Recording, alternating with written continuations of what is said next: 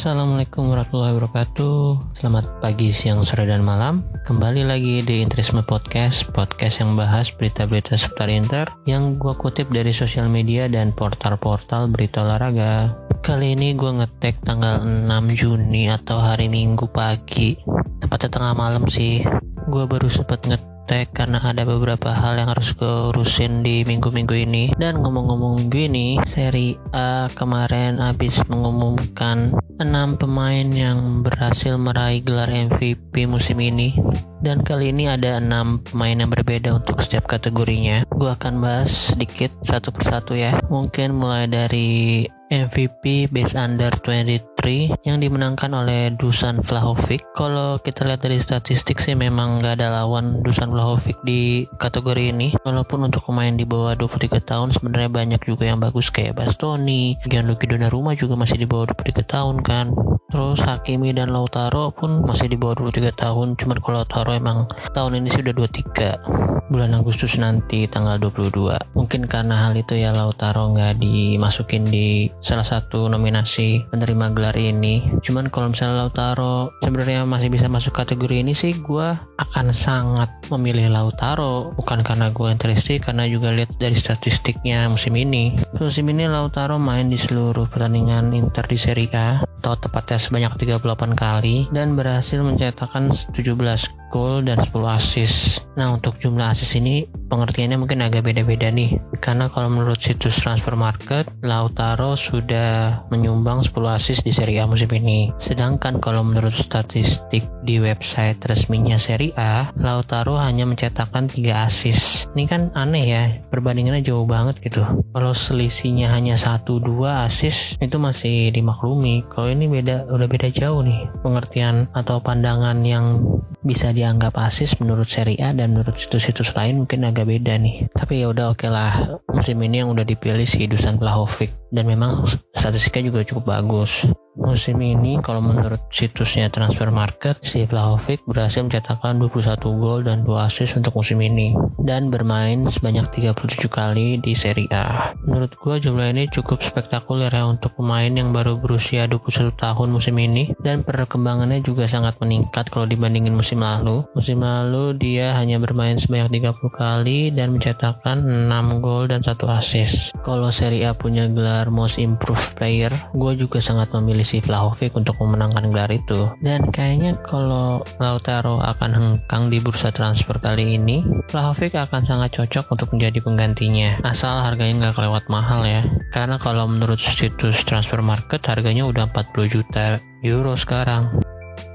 Oke, kita beranjak ke kategori MVP Best Goalkeeper. Pemenangnya adalah Gianluigi Donnarumma. Padahal kapten kita Samir Handanovic juga memiliki clean sheet yang sama yaitu dengan 14 clean sheet dan jumlah kebobolan yang lebih sedikit yaitu 35 kali berbanding 41 kali. Cuman karena ini gelar individual mungkin yang lebih diperhatikan adalah jumlah save. Dan kayaknya walaupun gua nggak tahu persis jumlahnya cuman pasti jumlah save Donnarumma lebih banyak daripada jumlah save Handanovic karena kita tahu sendiri juga kan Handanovic nih kalau ngelihat bola yang kayaknya melebar sedikit atau dia yakin udah nggak gol tuh bola pasti dia akan diemin aja gitu nggak mungkin dia save atau tepis. Padahal kan lumayan tuh buat nambah-nambah statistik. Dan memang untuk musim ini Handanovic juga lagi kurang bagus. Atau lebih buruk dari musim sebelumnya sebelumnya kalau menurut gue ya. Dan juga di beberapa momen penting dia kerap kali melakukan kesalahan. Yang paling gue inget sih ketika di Coppa Italia melawan Juventus. Dan kalau menurut situs WhoScored rating Donnarumma juga lebih tinggi sedikit yaitu 6,8 sedangkan Hadanovic juga 6,6 terus Sesni hanya 6,7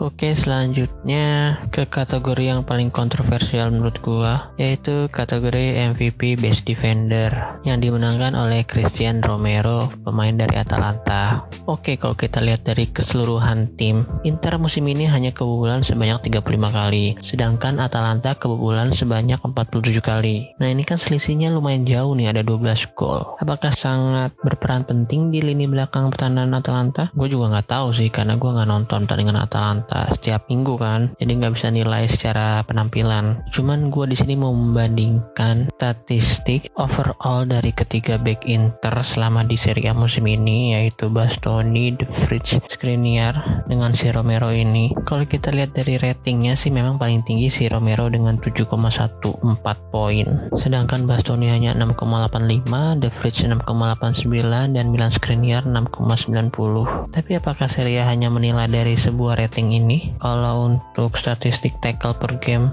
yang sukses Romero di sini 2 Bastoni 1,1 De Vrij 0,9 Skriniar 1,5 nggak beda jauh kan sebenarnya. Kalau di sisi intercept memang Romero agak unggul jauh. Karena intercept per gamenya dia di angka 3,1 sedangkan Bastoni hanya 1,2 De Vrij 1,3 Skriniar 0,9 oke kalau dari statistik score ini hanya di dua aspek itu yang Romero sangat unggul dibandingkan tiga back Inter lainnya. Kalau dari sisi menit bermain, dia yang paling sedikit karena hanya bermain 29 kali dengan total menit 2500. Di sini Bastoni yang memiliki menit paling banyak karena bermain sebanyak 33 kali dengan total menit 2926. Kemudian untuk jumlah fall, walaupun secara tackle dan interceptnya paling banyak si Romero, tapi jumlah melakukan fallnya juga paling banyak di antara keempat back ini. Per gamenya Romero melakukan sebanyak 2,3 kali fall. Sedangkan yang terendah di sini ada The Fridge dengan 0,6 fall. Oh ya untuk ingetin aja, The Fridge adalah best defender terbaik Serie A musim lalu. Kemudian kalau mau dilihat dari sisi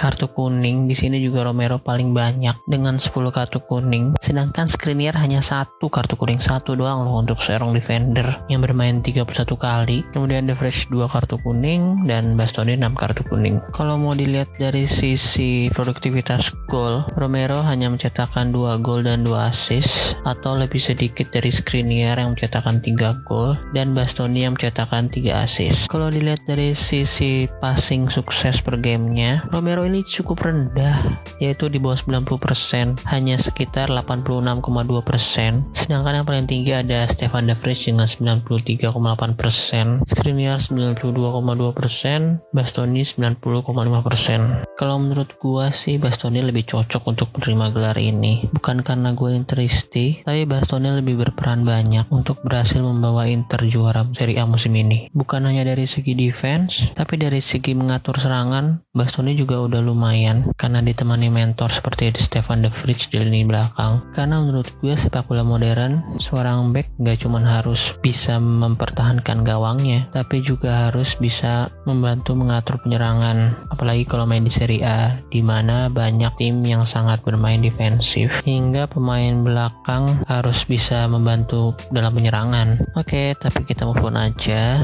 Mungkin Serie A mau ganti-gantian gitu, biar nggak ada satu tim yang mendapatkan dua gelar pemain terbaik di posisi yang berbeda.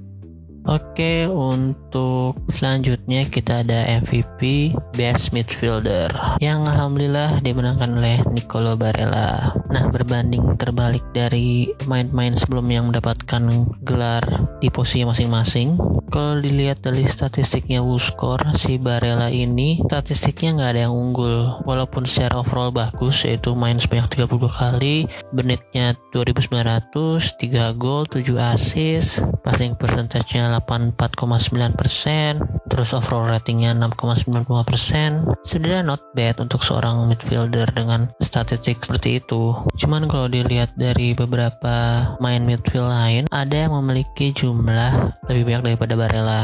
Contohnya di sini gue ambil si Frank Casey, pemain AC Milan, yang mencetakkan gol sebanyak 13 kali, yang mayoritasnya kebanyakan dari titik penalti, karena Frank Casey merupakan penendang penalti utama bagi Milan. Sedangkan untuk asisnya dia sebanyak 4 kali. Passing percentage-nya lebih tinggi daripada Barella yaitu 88,9. Duel areanya juga 1,5 per game dan ratingnya juga lebih tinggi daripada Barella yaitu 7,15. Nah kalau gue sih fair-fairan aja ya. Kalau dilihat dari statistik memang Barella nggak lebih bagus daripada Casey atau dua kandidat lainnya yang akan gue sebutin nanti. Cuman kan sepak bola nggak hanya selalu menilai dari statistik. Tapi menurut gue walaupun mungkin agak bias karena gue juga juga Interisti dan gak menonton pertandingan midfielder lainnya yang ada di list gua. Barella ini adalah salah satu komponen yang paling penting di skuad Conte musim ini hingga berhasil mendapatkan gelar juara Serie A. Di setiap pertandingannya si Barella ini gak pernah berhenti lari hingga peluit akhir dibunyikan dan selalu ngotot baik di duel atau saat menguasai bola. Pergerakannya juga sangat membantu tim dalam defense dan offense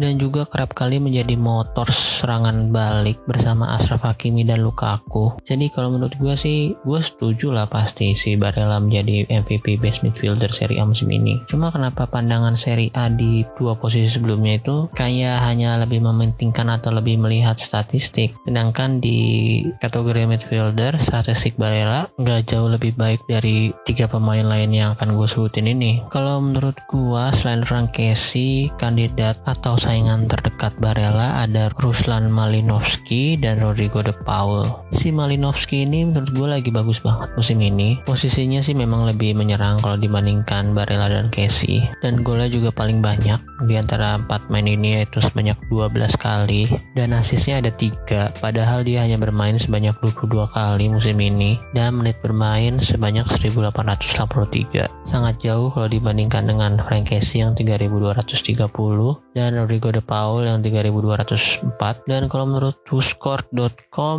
overall ratingnya ada di 7,16 kemudian untuk pemain terakhir yang gue anggap jadi kandidat peraih best midfield juga yaitu Rodrigo de Paul. Dia main sebanyak 36 kali dan berhasil mencetakkan 9 gol dan 9 assist. Hampir double-double kan? Dan shoot per gamenya juga paling banyak kalau dibandingkan tiga pemain lainnya itu sebanyak 2,3 kali per game. Man of the match sebanyak 12 kali. Dan overall ratingnya paling tinggi yaitu 7,41 gak hanya shoot per game yang unggul dibandingkan tiga pemain lainnya kipas per game juga yaitu di angka 2,3 Barella hanya 1,3 dribble suksesnya juga 3,4 kali Barella hanya satu kali per game dan dilanggar sebanyak 3,5 kali per game Barella hanya 1,5 tapi anyway Barella sudah dipilih menjadi best midfielder Serie A musim ini. Congrats untuk Nicolo Barella semoga bisa mempertahankan gelarnya musim depan. Oke, selanjutnya kita pindah ke kategori MVP Best Striker yang kali ini dimenangkan oleh Cristiano Ronaldo. Menurut gue juga di sini agak aneh karena kayaknya Ronaldo hanya unggul di jumlah gol yaitu 29 kali dan memang overall ratingnya paling tinggi kalau menurut WhoScored.com yaitu sebesar 7,61 sedangkan Zlatan Ibrahimovic hanya 7,57 Lukaku 7,47, dan Luis Muriel hanya 7,25. Kalau mau dilihat dari sisi gol per game, untuk persentase gol per game memang si Ronaldo paling tinggi ya karena bermain sebanyak 33 kali tapi berhasil mencetakkan 29 gol. Beda-beda tipis sih sama Zlatan Ibrahimovic yang bermain sebanyak 19 kali dan mencetakkan 15 gol. Ya mungkin si Serie A memberikan gelar ini ke Ronaldo agar si Ronaldo masih mau bertahan main di Serie A ya musim depan. Karena kan kabarnya Ronaldo mau balik ke MU atau mau ke PSG dan ada beberapa video juga yang tersebar kalau Ronaldo udah mulai mindah-mindahin mobil mewahnya, tak mau dipindahin atau mau dirental tuh mobil-mobilnya. Kalau dari sisi produktivitas gol plus assist sih Romelu Lukaku yang paling tinggi ya karena berhasil mencetakkan 24 gol dan 11 assist. Kalau menurut Uskor, kalau menurut seri A sih asisnya hanya 9. Kalau Zlatan Ibrahimovic hanya 15 plus 2 assist berarti 17. Romelu 24 plus 11 assist berarti 35. Muriel 22 plus 9 assist berarti 31. Ronaldo 29 gol plus 3 assist berarti 32. Kalau jumlah shoot per game sih memang paling tinggi Ronaldo nih 5,1 shoot per game tapi paling banyak shoot per game berarti kan itu juga mengindikasikan kalau Ronaldo kurang efektif atau kurang klinikal di depan gawang. Sedangkan Romelu Lukaku hanya 2,7 shoot per gamenya. Terus kalau dari jumlah kipas per gamenya juga Romelu Lukaku paling tinggi yaitu sebanyak 1,4 kali. Sedangkan Ronaldo hanya 1,1 kali. Untuk jumlah dribble sukses per game Ronaldo unggul tipis dengan 1,8 banding 1,5 kali per game dengan Lukaku. Yang unggul agak jauh mungkin di sini passing sukses per gamenya ya. Ronaldo 82,1%, Lukaku hanya 72,6%. Sejauhnya nggak ada lagi menurut gua. Jadi ya menurut gua agak kurang pas lagi nih untuk best strikernya.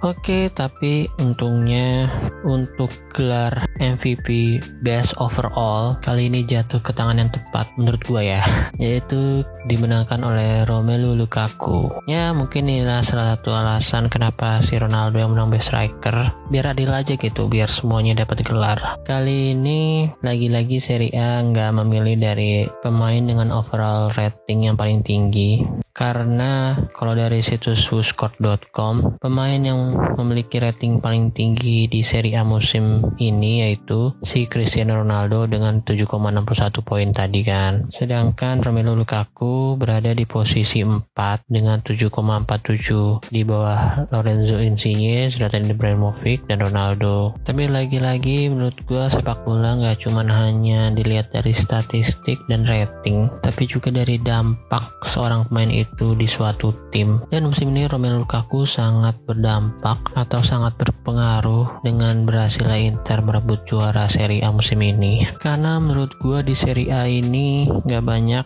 defensive player atau back-back yang bisa menjaga Lukaku. Dan bahkan di beberapa pertandingan pemain-pemain defender yang menjaga Lukaku sampai harus mengalami cedera dan digantikan di tengah-tengah pertandingan. Gak cuma satu dua loh, gue hitungnya mungkin sekitar 7 sampai 10 lah. Kalau kalian nggak percaya boleh nonton lagi semua cuplikan full game Inter musim ini. Oke, segitu aja. Congrats untuk Romelu Lukaku. Semoga bisa mempertahankan gelarnya musim depan. Dan yang penting penampilannya nggak menurun, walaupun musim depan dengan pelatih baru. Karena menurut gua, penampilan Lukaku juga nggak bisa terlepas dari andil Conte yang berhasil membangkitkan gairah sepak bolanya lagi. Setelah sebelumnya ketika bermain di MU sering menjadi bahan cemooh atau bahan meme-meme sepak bola yang awalnya menjadi unwanted player ketika ditransfer ke Inter hingga menjadi pemain yang paling penting untuk Inter bisa meraih gelar Oke, selanjutnya sebelum kita ngomongin tentang pelatih baru, gue akan sedikit membahas statistik Inter secara tim di Serie A dan juga statistik main Inter yang menduduki posisi 15 besar di kategori seperti gol, assist, total shoot, total kipas, dan lain-lainnya. Oke, kita mulai dari jumlah poin dulu. Untuk total poin yang berhasil dikemas oleh Inter musim ini yaitu sebesar 91 poin. Dari 38 pertandingan, Inter berhasil menangkan 28 pertandingan, seri 7 kali dan kalah sebanyak 3 kali. Jumlah 91 poin merupakan jumlah terbanyak kedua karena untuk torehan poin terbanyak Inter berada di angka 97 poin. Hal itu didapatkan di musim 2006-2007 ketika pelatihnya masih Roberto Mancini. Kemudian fakta selanjutnya Inter berhasil mengalahkan seluruh tim di Serie A musim ini. Dan kalau mau dihitung jumlah gol head to headnya juga Inter unggul dibandingkan lawan-lawannya musim ini. Untuk jumlah gol Inter hanya kalah satu gol dari Atalanta yang berada di puncak pencetak gol terbanyak yaitu dengan 90 kali sedangkan Inter hanya 89 gol. Tapi di sisi kebobolan Inter merupakan tim yang paling sedikit yaitu dengan 35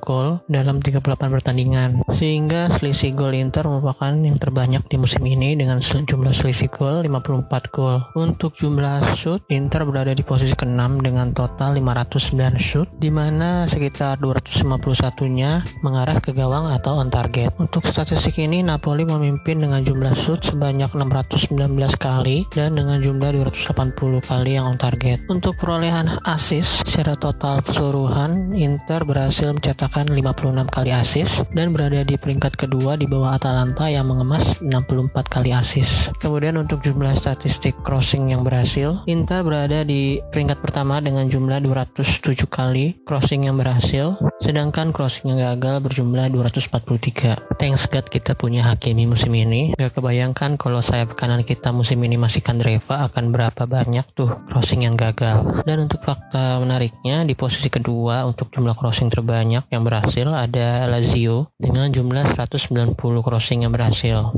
Nah dari sini kita ada sedikit gambaran kalau berarti musim depan Inter akan tetap mengandalkan crossing-crossing juga mainnya. Tapi untuk jumlah crossing yang gagal, Lazio cukup mengkhawatirkan yaitu dengan jumlah 314 kali dan merupakan jumlah crossing gagal terbanyak kedua. Setelah di peringkat satu, kalian bisa tebak tim apa coba? Ya betul di peringkat satu dengan jumlah crossing gagal terbanyak ada Sampdoria dengan jumlah 342 kali. Pasti kalian tahu kan kenapa jumlah crossing gagal Sampdoria kemarin jumlahnya bisa sebanyak itu. Ahem, Lord Kandreva. Oke, sekarang kita ke jumlah save terbanyak musim ini. Di peringkat satu ada Cagliari dengan jumlah 160 kali save, sedangkan Inter berada di posisi ke-18 dengan hanya berjumlah 95 kali save. Angka tersebut bisa mengindikasikan dua hal. Pertama, Handanovic cukup malas untuk melakukan save, dan kedua sisi baiknya mungkin pertahanan Inter cukup kokoh hingga nggak banyak serangan yang mengarah ke gawang.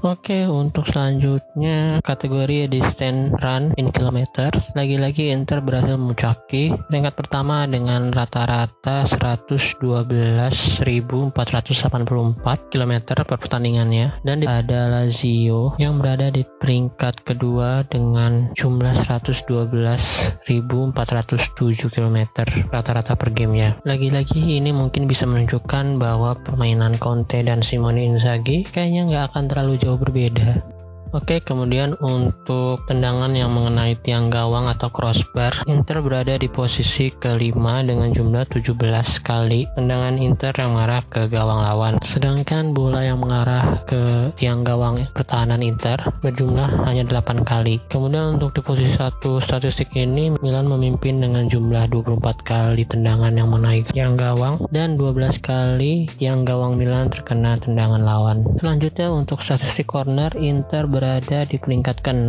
dengan jumlah corner sebanyak 206 kali. Nah, di sini Sassuolo berada di satu peringkat di atas Inter dengan 209 kali. Kalau menurut gue emang si Sassuolo ini cuma mentingin oven-oven doang nih selama dipegang oleh De Zerbi kemarin. Jadi nggak heran jumlahnya bisa sebanyak itu. Tapi di posisi pertama ada Juventus dengan total corner sebanyak 221 kali. Tapi untuk jumlah gol yang menggunakan kepala atau headed goal, Inter berada di puncak statistik dengan 14 kali gol dengan kepala memiliki jumlah gol yang sama dengan Juventus di bawahnya. Sedangkan untuk jumlah offside, Inter berada di posisi ke-11 dengan jumlah 65 kali offside dan Hellas Verona berada di posisi pertama dengan jumlah 109 kali, menyusul di bawahnya ada Juventus dengan 93 kali bersama Milan juga.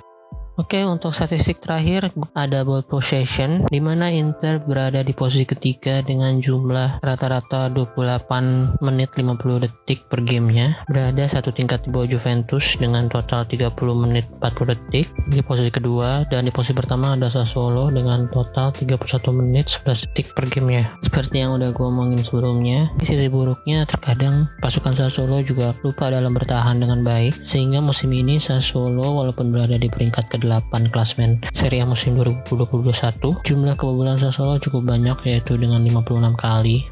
Selanjutnya kita masuk ke statistik terbanyak top 15 di tiap kategorinya. Untuk pertama pasti ada di kategori goal scorer. Di posisi pertama ada Cristiano Ronaldo yang mencetak 29 gol dengan di antaranya 6 kali melalui titik putih dan bermain sebanyak 33 kali musim ini. Tepat di bawahnya ada Romelu Lukaku dengan 24 gol dengan jumlah penalti yang sama yaitu 6 kali dan Lukaku bermain sebanyak 36 kali musim ini. Untuk top 15 ini Inter juga menyumbang satu nama lagi yaitu Lautaro Martinez yang berada di posisi ke-9 dengan jumlah 17 gol dan di antaranya diciptakan dari titik penalti dari total 38 kali dia bermain musim ini.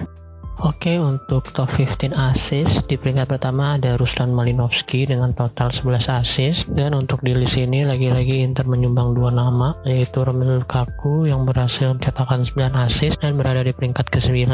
Di bawahnya ada Ashraf Hakimi yang berhasil mencatatkan 8 kali assist berada di peringkat 14. Sebenarnya kalau menurut website selain Serie A jumlah Lukaku Lukaku dihitung lebih banyak yaitu 11 kali dan menjadikan Lukaku merupakan pemain pertama di Serie A yang berhasil mencatatkan 20 plus gol dan 10 plus assist di satu musim Serie A.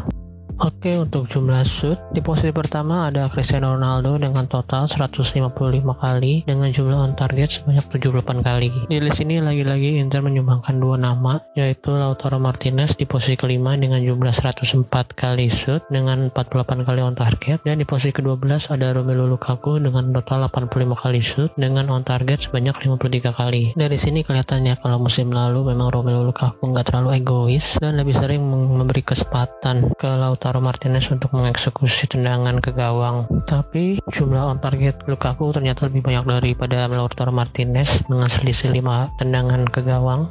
Kemudian untuk statistik top 15 kipas, Inter nggak menyumbangkan satu nama pun. Mungkin memang karena nggak ada pemain yang bertipe kreatif atau bisa memberikan passing yang bagus sehingga bisa mengancam gawang lawan. Menurut gua musim ini, walaupun gua nggak megang data pastinya, kayaknya sih antara Alexis Sanchez ataupun Christian Eriksen atau bahkan Barella yang memiliki jumlah kipas terbanyak di Inter musim ini. Tapi sih kayaknya Alexis Sanchez ya cuman menit bermainnya nggak terlalu banyak untuk di Serie A posisi pertama ada Rodrigo De Paul dengan jumlah kipas sebanyak 39 kali di bawahnya ada Josep Ilicic dengan 35 kali dan peringkat ketiga ada Luis Alberto dengan 30 kali menariknya di posisi ketujuh ada Federico Di Marco dengan jumlah 21 kali di mana kemungkinan besar musim depan Di Marco akan kembali bermain untuk Inter dan semoga aja bisa menambal posisi kiri yang musim ini kelihatan lebih timpang secara kualitas dibandingkan posisi kanan karena di sana ada Hakimi ya. Dan selanjutnya di kategori top 15 recoveries lagi-lagi Inter nggak menyumbangkan satu nama pun di mana peringkat satunya ada pemain dari Torino yaitu Bremer dengan jumlah 331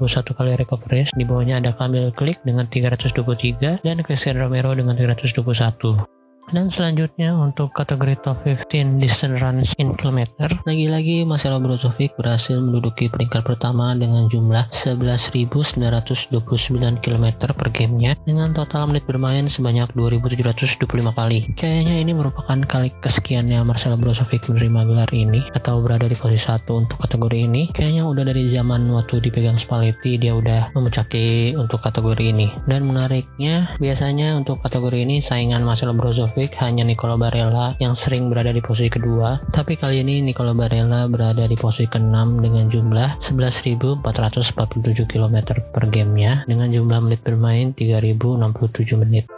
Oke untuk kategori terakhir top 15 orang yang paling sial kalau menurut gue atau top 15 pemain yang tendangannya mengenai tiang gawang untuk crossbar di peringkat pertama ada Lorenzo Insigne dengan 7 kali tendangan yang mengenai tiang gawang. Sedangkan Romelu Lukaku ada di posisi ketujuh dengan jumlah 5 kali tendangan yang mengenai tiang gawang Oke, sekian begitu aja statistik dari website resmi Serie A yang gue ringkas. Kalau kalian mau lebih tahu detailnya, silahkan langsung aja mampir ke websitenya. Tapi sayangnya di website ini kita nggak bisa langsung melihat statistik pemain secara utuh untuk tiap timnya. Kayak yang biasa kita lihat kalau lagi main PES atau FIFA, kita bisa ngelihat langsung tuh jumlah golnya berapa, asisnya berapa, menit bermain berapa, atau mungkin sebenarnya ada, cuman gue nggak nemu aja. Jadi kalau kalian masih penasaran boleh langsung kulik-kulik website itu buka aja di legaseria.it Oh ya untuk sedikit intermezzo aja. Kalau kita lihat di Instagram feednya Brozovic Lagi-lagi dia posting foto yang aneh. Kali ini dia foto dari atas pohon. Apa coba maksudnya? Benar-benar random kan? Cuman dengan kelakuan yang random kayak gini Dia masih tetap bisa berhasil menjadi pemain dengan distance coveran terbanyak musim ini. Jadi masih kita maklumi lah. Kecuali kalau mainnya kayak si Gagliardini Pasti interest di seluruh dunia akan mampir ke Instagram itu Oke, berita selanjutnya, mungkin berita yang terakhir untuk episode kali ini. Akhirnya pelatih baru Inter Milan sudah diumumkan dengan sangat biasa sekali ya. Gue kira pengumumannya lama, bakal ada konten video yang bagus kayak waktu kontek kemarin, tapi ternyata hanya sebuah grafis yang biasanya dilakukan oleh pegawai cetak foto KTP. Jadi fotonya cuma gambar Simone Inzaghi dengan background biru. Berarti kayaknya nih Simone Inzaghi kelahiran tahun ganjil nih kalau Indonesia, soalnya backgroundnya biru. Tapi mau bagaimanapun juga tetap gue akan terus mendukung siapa pun pelatih Inter musim depan. Dan menurut gue sebenarnya Zagi not bad lah ya walaupun belum berhasil memenangkan gelar Scudetto selama menjadi pelatih. Cuman dia sudah berhasil memenangkan gelar Coppa Italia dan Super Coppa bersama Lazio dengan tampil sebagai underdog. Dan siapa tahu kalau menangani tim dengan materi pemain yang lebih baik daripada di Lazio Inzaghi akan bisa melangkah lebih jauh di Coppa UCL atau syukur-syukur bisa mempertahankan akan gelar Scudetto Inter musim depan. Untuk Inzaghi belum ada banyak berita yang bisa gue sampaikan sejauh ini baru tentang Inzaghi yang sudah menghubungi Romelu Lukaku dan meyakinkannya untuk tetap bertahan di Inter musim depan karena Inzaghi menganggap Lukaku menjadi bagian paling penting di squad Inter di Serie A musim depan. Setelah itu juga udah ada bocoran tentang nama-nama staff yang akan dibawa Inzaghi selama menangani Inter dan menyusul berita tentang Antonio Pintus yang sekarang sudah kembali menjadi pelatih kebugaran dari Real Madrid.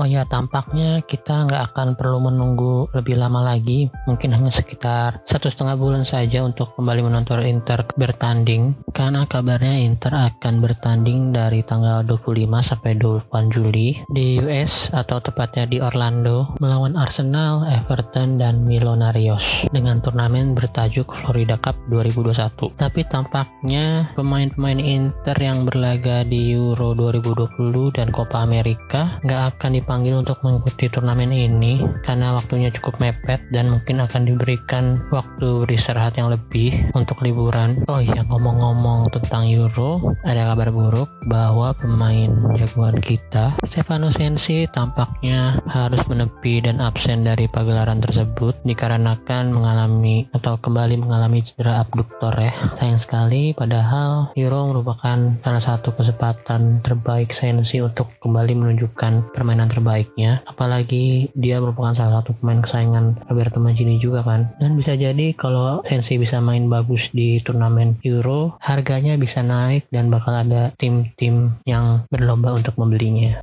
Oke sekian gitu aja untuk podcast gue hari ini. Mohon maaf kalau ada kata-kata atau kalimat atau informasi yang kurang tepat. Dan kalau kalian mau memberikan saran atau masukan boleh langsung melalui DM atau komen di sosial media gue Kalau di Instagram ada di Intrisma Podcast Kalau Twitter ada di Intrisma Media. Sekali lagi terima kasih Arif Forza Intel